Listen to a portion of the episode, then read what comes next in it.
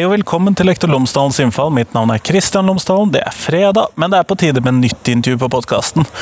Dette er det siste doble intervjuet i november. Eh, altså I november så har jeg kjørt to episoder hver uke. Eh, og det var rett og slett for at jeg hadde så mye gøy jeg ville dele med dere. Nå er det tanken at eh, dette er det siste doble intervjuet på en stund. Eh, og så får vi se hvor flink jeg er til å holde meg selv i tømmene. Dette intervjuet her er med Monica Melby Lervåg. Hun er professor i spesialpedagogikk ved Universitetet i Oslo. Og vi skal rett og slett snakke om ressurssituasjonen for spesialpedagogikken, for spesialundervisningen og den tilpassede opplæringen ute i skolene. Og vi skal snakke om forskningsformidling formidling og det å få denne forskningen som vi vet skjer i dag, ut i skolene, ut til lærerne og ut til de som trenger denne forskningen. Sånn at eh, forskningsformidling og ressurssituasjonen og problemstillingene for spesialpedagogikken er dagens temaer. Så håper jeg at du liker det. Men her får du intervjuet, vær så god.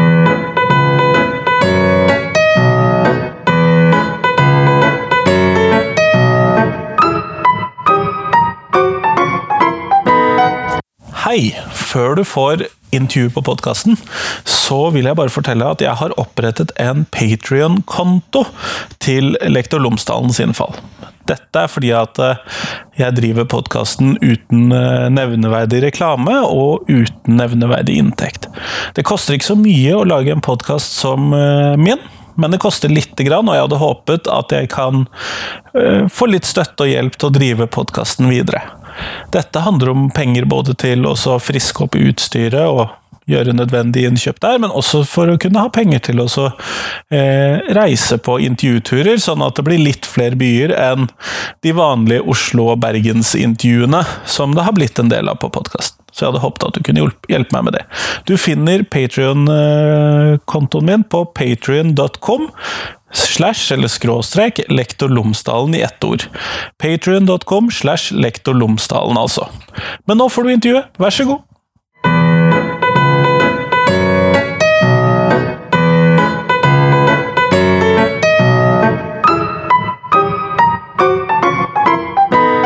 Monica Melby Lervåg, tusen takk for at jeg har fått lov til å komme til kontoret ditt i dag. Bare hyggelig. Før vi starter, kunne du ha fortalt lytterne mine tre ting om deg selv, sånn at de kan bli litt kjent med deg? Ja. Øh, jeg er professor på Institutt for øh, spesialpedagogikk.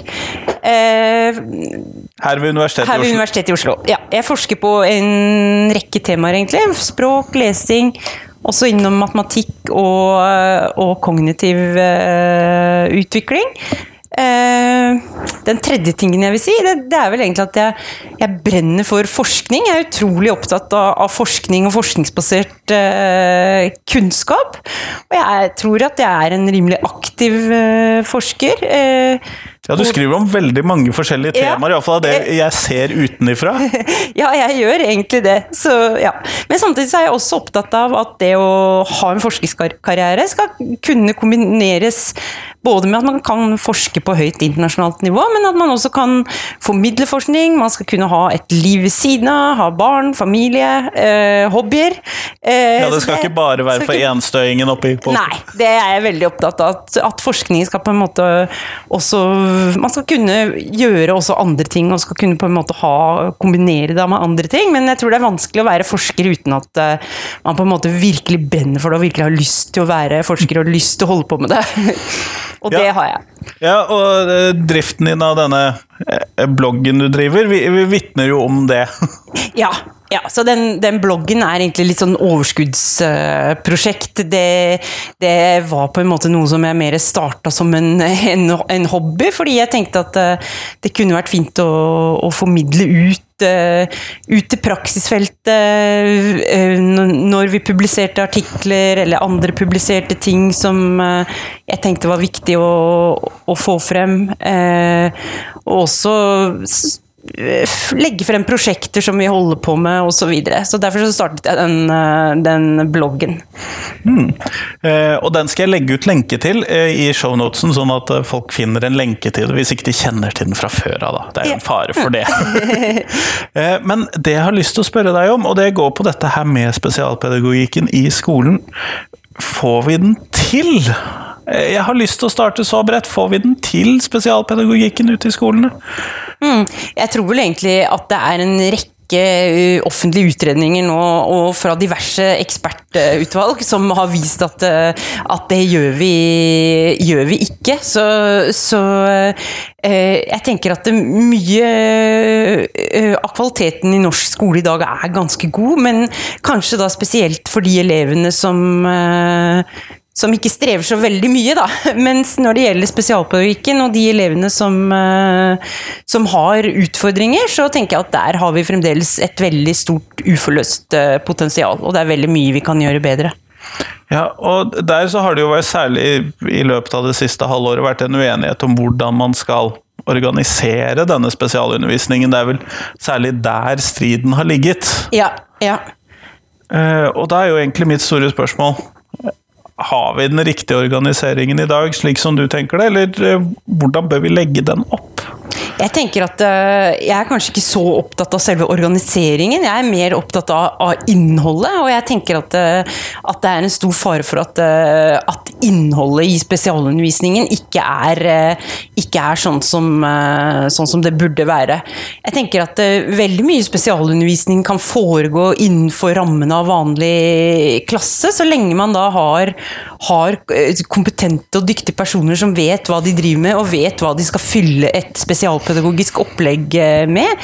Har en rimelig oversikt over hva som uh, forskning viser at, uh, at, disse elevene vil, vil profitere på. Så tenker jeg at da, da, er det på en måte Man kan gjøre det i en mindre gruppe inni klassen, man kan ha en gruppe utenfor klassen.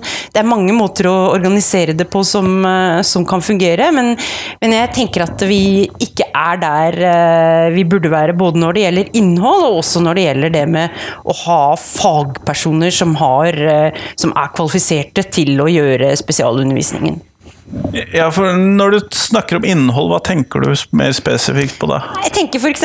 hvis man har en elev med, med, dysleksi, så vet vi veldig mye hva, om hva elever med, med, dysleksi har behov for, og, og, hva slags type opplæring de trenger for å avhjelpe lese- og, og skrivevanskene.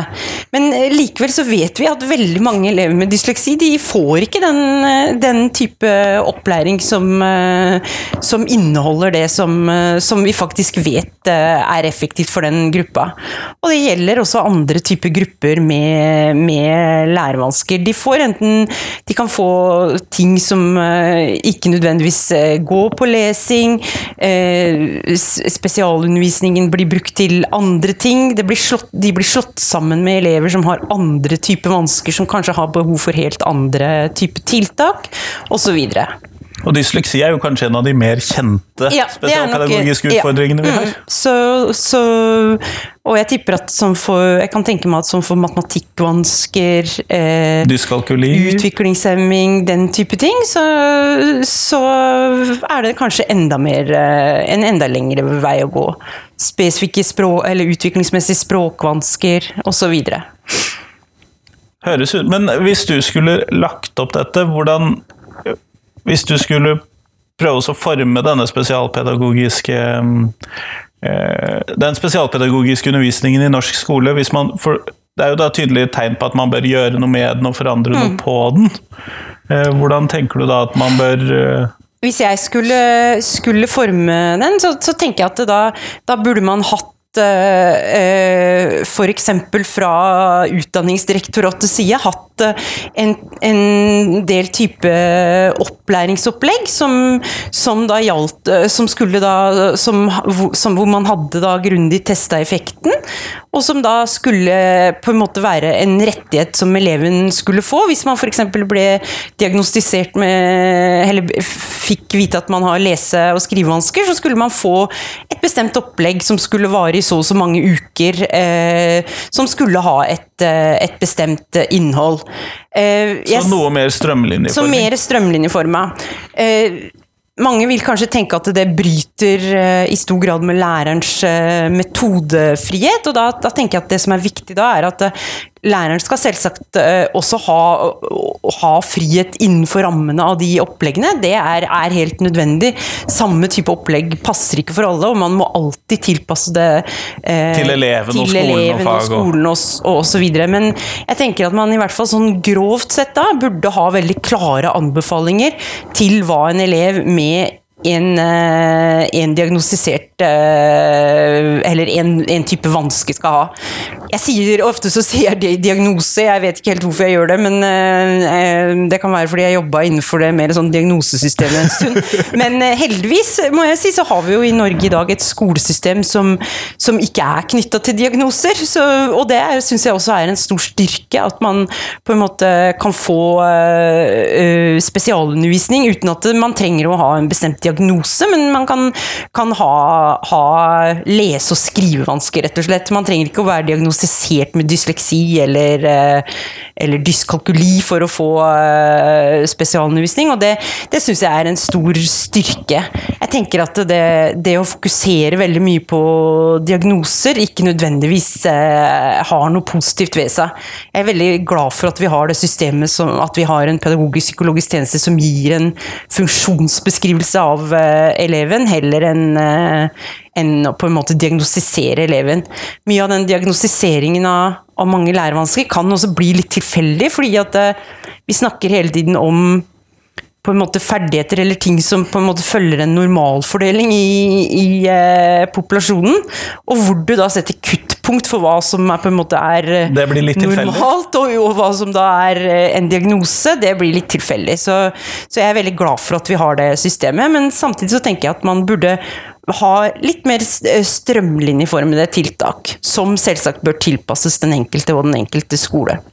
Men fordi at sånne typer Eh, tiltak for eh, det har vi ikke i dag. Altså den type som du Nei, snakker om. Nei, det har vi ikke. Og det vil være eh, veldig tilfeldig eh, hva slags type tiltak eh, elevene får. Mange ganger så tror jeg nok at lærerne opplever at de må begynne veldig mye på, på scratch og lage mye læremidler og, og tiltak eh, selv. Men vi, vi, vet at vi har gode tiltak hvor effekten er, er testa ut. Det har vi både fra internasjonale studier, og vi begynner også å få en del eh, eh, gode studier som har undersøkt Eh, hvordan tiltak fungerer her, her, i Norge. Og jeg tenker at vi burde bli flinkere til å bruke de tiltakene, og til å og på en måte strømlinjeforme det, og til å ha en slags sånn tiltaksbank som uh, lærere kan, uh, kan uh, hente ressurser fra.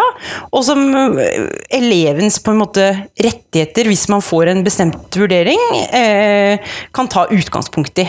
Ja, fordi at Vi vanlige lærere jo ikke, har jo ikke akkurat mye faglig kompetanse på spesialpedagogikk. Nei, nei. Så, og det er jo også en annen ting. Det, det jeg også tenker er viktig, er å få mer eh, kunnskap om elever med spesielle behov, og det å, å få mer kunnskap om eh, hvordan foregår språkutvikling, hva skjer når språkutviklingen ikke eh, går eh, som forventa, hvordan foregår leseutvikling, hva gjør man hvis leseutviklingen ikke går som forventa. Det burde man få mer inn i lærer- og, og barnehagelærerutdanningen, eller ja, særlig lærerutdanningen, da. Eh, for da vil man også på sikt bygge opp en større kompetanse hos, eh, hos lærerne om de tingene her. Så men jeg tror det er mye som tilsier at det har vært altfor lite av det i, i, uh, i, lærerutdanningen. Jeg husker da jeg jobbet uh, som PP-rådgiver, så møtte jeg ofte lærere. Og jeg husker spesielt en nyutdanna lærer som hadde en fjerdeklasse eller noe sånt, hvor det var en god del elever. Noen hadde lesevansker, det var noen med med generelle lærevansker, og det var noen med, med mer sånn type sosioemosjonelle vansker, atferdsvansker. Jeg husker på, på møtet en gang som vi hadde, vi hadde jo da ofte møter rundt de elevene, husker jeg at hun bare begynte å gråte og sa at eh, jeg forstår ikke at ingen på lærerutdanningen fortalte meg hvor utrolig mye utfordringer jeg ville få med de elevene som, eh, som var i, i PP-tjenesten, eller som det var noe noe ekstra ved. Vi lærte bare om de hvor, eh, hvor, ting faktisk går helt greit, og jeg egentlig nå ikke trenger å bruke noe særlig tid på, sa hun. Og hun var veldig fortvila. Hun følte seg ikke ikke på en måte skodd for den oppgaven hun da var blitt satt til. Og det fikk meg til å tenke på hvor utrolig viktig det er å, å få det her inn i lærerutdanningen. Og, og, eh, og gi lærerne da, eller framtidige lærere, redskaper til å, å, sette i verk tiltak for de elevene. For de blir ofte veldig alene med de elevene. Selv om noen da får spesialundervisning noen timer i uka, så er det jo stort sett resten av tiden inne i klassen. Det er de vanlige lærerne som har de mest, ja, stort sett. Stort sett. Så, så, så det, og uansett også så må jo da de vanlige lærerne samarbeide med spesialpedagogen. Så det fikk meg til å tenke at det er utrolig viktig også å integrere det her som en eh, sentral del av lærerutdanningen. Litt mer ut til alle sammen. ja, ja, ja, Og hun sa jo da, husker jeg hun sa til meg at i norsk så hadde jo de bare eh, hatt om hvilke type tekster de skulle velge, sånne type ting. Men ingen hadde fortalt dem noe om hva de skulle gjøre hvis eh, ungen faktisk ikke lærte å lese, eller, eh, eller, eh, eller hva de skulle gjøre for å kartlegge leseferdighetene til, eh, til barnet. Ja, og, og, denne klassen som denne læreren hadde, hørtes jo ut som en eh, klasse med en del utfordringer, men samtidig så vil jeg ikke tro at den er noe spesielt utfordrende klasse. Nei, jeg tenker at det var egentlig en ganske vanlig, en vanlig klasse, sånn som vi stadig møtte når vi var i, i PP-tjenesten, at det var en som hadde den vansken, en annen som hadde en annen type vanske. Uh, ja, så, så det var egentlig en tror jeg, ganske gjennomsnittlig klasse. Ja, nei, Da blir det jo vanskelig å legge opp et, et enhetlig opplegg hvis ja. ikke man har nevneverdig med spesialpedagogikk inn i lærerutdanningen. Ja, ja, så det tenker jeg er utrolig viktig å prøve å gjøre noe med. Mm. Men er det noen sånne spesielle verktøy som man som lærer bør ha inn i denne verktøykassen, som du ville trukket frem, eller er det for mange verktøy til at det er lett å trekke ut noen ting? Jeg syns det er vanskelig å, å trekke, ut, uh, trekke ut noen, uh, noen, verktøy, og er, en av grunnene til det også er at, uh, at, det fortsatt er behov for ganske mye forskning på det her, for å finne ut hva som faktisk er, er effektivt. Men viktige verktøy som som læreren bør ha, er i hvert fall å sette seg litt inn i hva, hva kan være årsaken til lesevansker, hva, og hva, hva, vet vi på en måte uh, fungerer i forhold til ulike typer lesevansker? Hva, sier på en måte forskninga fungerer? Og det samme også for matematikkvansker og en del høyfrekvente vansker. Og så finnes det også, også da ulike typer pedagogiske opplegg som, uh, som man da kan sette i verk for ulike typer vansker. Ja, mm. og det syns jeg så, Men når man da trenger mer forskning, er det type mer eh, klasseromsforskning type fra folk som skal ta didaktiske mastere, eller er det mer sånn høyere nivå forskning du tenker på da? Den forskningen som jeg tenker på da, når jeg sier at uh, det er forskning som på en måte går direkte inn og ser på da Uh, hvilke kartleggingsverktøy fungerer bra, hvilke kartleggingsverktøy oppdager de riktige elevene, og hvilke tiltak er det som har best effekt. Hvordan bør vi, bør vi legge opp eh, tiltak for at det skal få best effekt? Hvis man på en måte gir et uh, leseopplegg tre ganger i uka for, for tredjeklassinger med lesevansker, hvilke, hvilken effekt er det sannsynlig at det har? Og det har vi en del undersøkelser på særlig etter hvert internasjonalt. Men problemet med det er at en del av de undersøkelsene på lesing ofte er gjort i engelskspråklige land, og er ikke, engelsk er ganske ulikt norsk sånn ortografisk. Eh, det er lite samsvar mellom lyd og bokstav. Sånn at det er ikke alltid det er så lett å generalisere de engelske undersøkelsene til norsk. Så vi trenger også flere, flere norske undersøkelser på det. Det jo, ville vært nyttigere med mer germanske eller tyskspråklige. Ja, så, også, så det kan man jo også skjele til. Altså det, det, finnes da en del europeiske undersøkelser. I tillegg så har, lyser også Forskningsrådet nå ut midler for å få mer av den type, type forskning. Og da, her tenker jeg jo også at pedagogiske og spesialpedagogiske forskere også, øh, også er en, de, en del av øh, av den situasjonen som vi nå har. Fordi at uh, veldig mye av pedagogisk forskning tidligere fokuserte egentlig på ting som ikke var så veldig relevant for lærere og, og, og for praksis i klasserommet. Sånn at, det, at mange lærere opplevde da pedagogisk og spesialpedagogisk forskning som ikke noe som de kunne på en måte bruke i sin, uh, i sin praksis. Så her har jo også forskerne et ansvar for å på en måte prøve å, å gjøre forskning som uh, som på en måte eh, både er teoretisk interessant og, og, belyser viktige spørsmål, men som også da eh, kan bidra til å løse, løse utfordringer eh, i skole og barnehage. Og Det er jo kanskje også din oppgave som professor, da, som skal veilede ph.d.-studenter? Ja. ja. Ja, så, så øh, Men det er noe som vi fokuserer egentlig veldig på. At når vi planlegger undersøkelser, så planlegger vi både egentlig eh, sånn type nærmest grunnforskningsstudie hvor vi tester kausalitet, årsak, virkning osv. Men vi prøver også å designe undersøkelsene på en måte som gjør at, eh, at de kan ha et bidrag til praksis. Da. At de kan gå inn og, og på en måte si noe om F.eks. hva som er effektivt, eller hva som er årsaken til en vanske, osv. Ja, for effektivitet er jo viktig oppi det hele, for det er jo ikke akkurat som om politikerne slåss om å gi oss mest mulig penger til nei, undervisning nei. eller spesialundervisning. Nei, og, eh, og, jeg tenker også at, eh, at det vi må, må se på, er jo, er jo, også da Gitt at ressursene er det samme, så det vi må se på, er jo på en måte hvordan vi da kan utnytte de ressursene som er på en bedre måte. og det tenker jeg da at det er stort potensial eh, for å gjøre. I veldig mange av de undersøkelsene vi har gjort Eh, F.eks. hvor vi har sett på effekten av språkstimulering eller, eh, eller leseopplegg, eller matematikk for den saks skyld, så, så, har vi ikke fått tilført ekstra ressurser, men vi har da gitt opplæring til lærerne og organisert ting på en litt annen måte. Men sånne endringer er jo også veldig, veldig krevende, og det forutsetter jo også da grundig opplæring av de som på en måte skal gjøre ja, det er jo ikke gratis, det heller. Nei, så det, og, det, så sånn sett, så, og, det, og, det, er jo også da, også da eh, krevende. Men vi har vært borti eh, Vi har snakket en del om lesevansker, og du har også kommet borti matematikkvansker. Ja. Eh, men slik som jeg oppfatter det, så er det et mye mindre kjent fenomen sånn ute i skolene enn lese- og skrivevansker. Hva tenker du på med matematikkvansker? Eh, jeg tenker at en av grunnene til at eh, matematikkvansker er mindre kjent, det er, fordi at det rett og slett også har vært mye mindre forskningsfokus på det. Det er mye færre forskere som jobber med det. Men jeg tror sånn de neste ti årene, så, så, tror jeg nok at det også kommer til å bli mer fokus på, på matematikkvansker.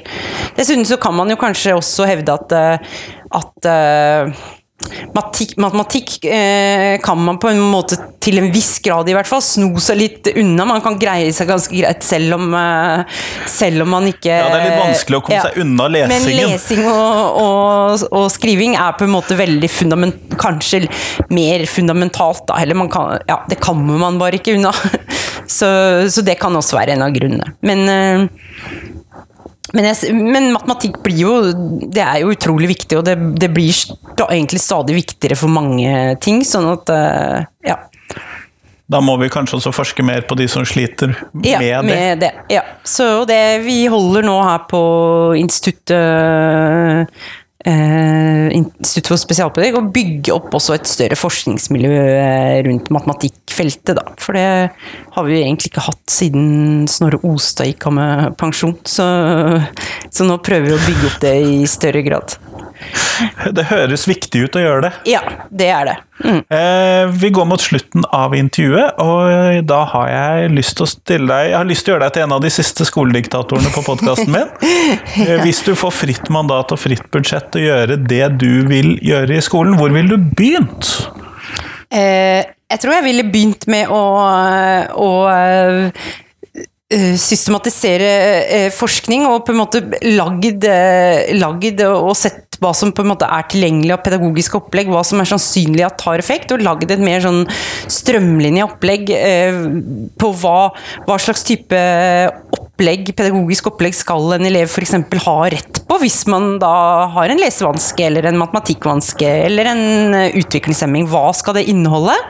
Eh, og så eh, ville jeg da Og det måtte på en måte vært en slags sentral eh, oppgave for f.eks. Utdanningsdirektoratet. Sånn at eh, lærer, hver enkelt lærer slipper å finne opp hjulet Ja, på nytt? Ja, så man sånn slipper å finne opp alt Ja. eh, på nytt. Så det hadde jeg tenkt hadde vært en sentral oppgave, men at det da selvsagt måtte tilpasses den enkelte eh, lærer eller, og skole og, og elev. Men vi vet da at det er visse komponenter som, som ha, er effektive, og andre komponenter som ikke er effektive. Og det, det er da viktig å, å fokusere på det. Eh, og så tenker jeg at jeg ville også da endre lærerutdanningen, sånn at lærerne fikk mer eh, i sin utdanning om, eh, om det å ha eh, læringsutfordringer.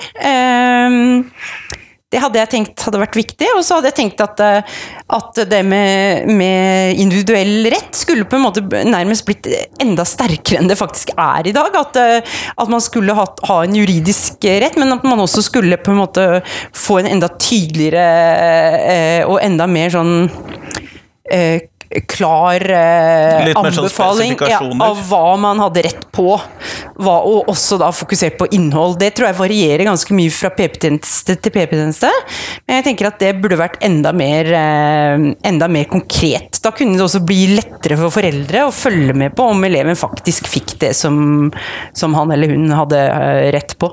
Ja, jeg kan jo tenke meg at eh, som eh, å være vanlig lærer, eller enda verre ikke være lærerbakgrunn, og så ha Ja. barn som har rett på noe, men Ja, hva skal dette noe være, kan ja, være vanskelig. Ja, det tror jeg må være veldig vanskelig. Ja.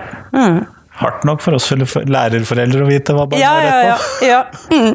Det er Kjempeflott, tusen takk for at jeg har fått lov til å komme og Ja, prate med deg. Bare hyggelig. Ja, tusen takk skal du ha.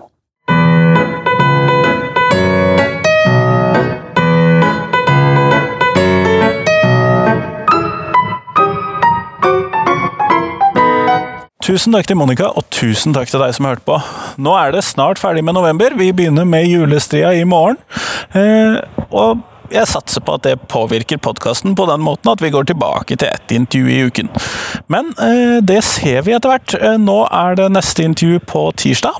Da får du høre Øystein Gilje fra Universitetet i Oslo. Han også! Det er mye Universitet i Oslo for tiden. Jeg har vært et par turer i Oslo, og det påvirker podkasten. Men i hvert fall, på tirsdag kommer altså det intervjuet. I mellomtiden så får du ha en god helg. Hei, hei!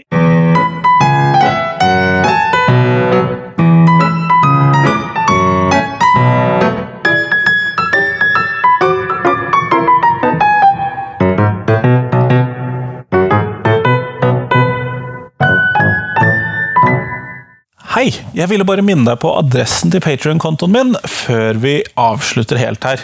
Og det er rett og slett patrion.com slash lektorlomsdalen. Patrion.com slash lektorlomsdalen. Tusen takk! Men det viktigste av alt, del podkasten min med noen. Det er det som hjelper meg aller mest.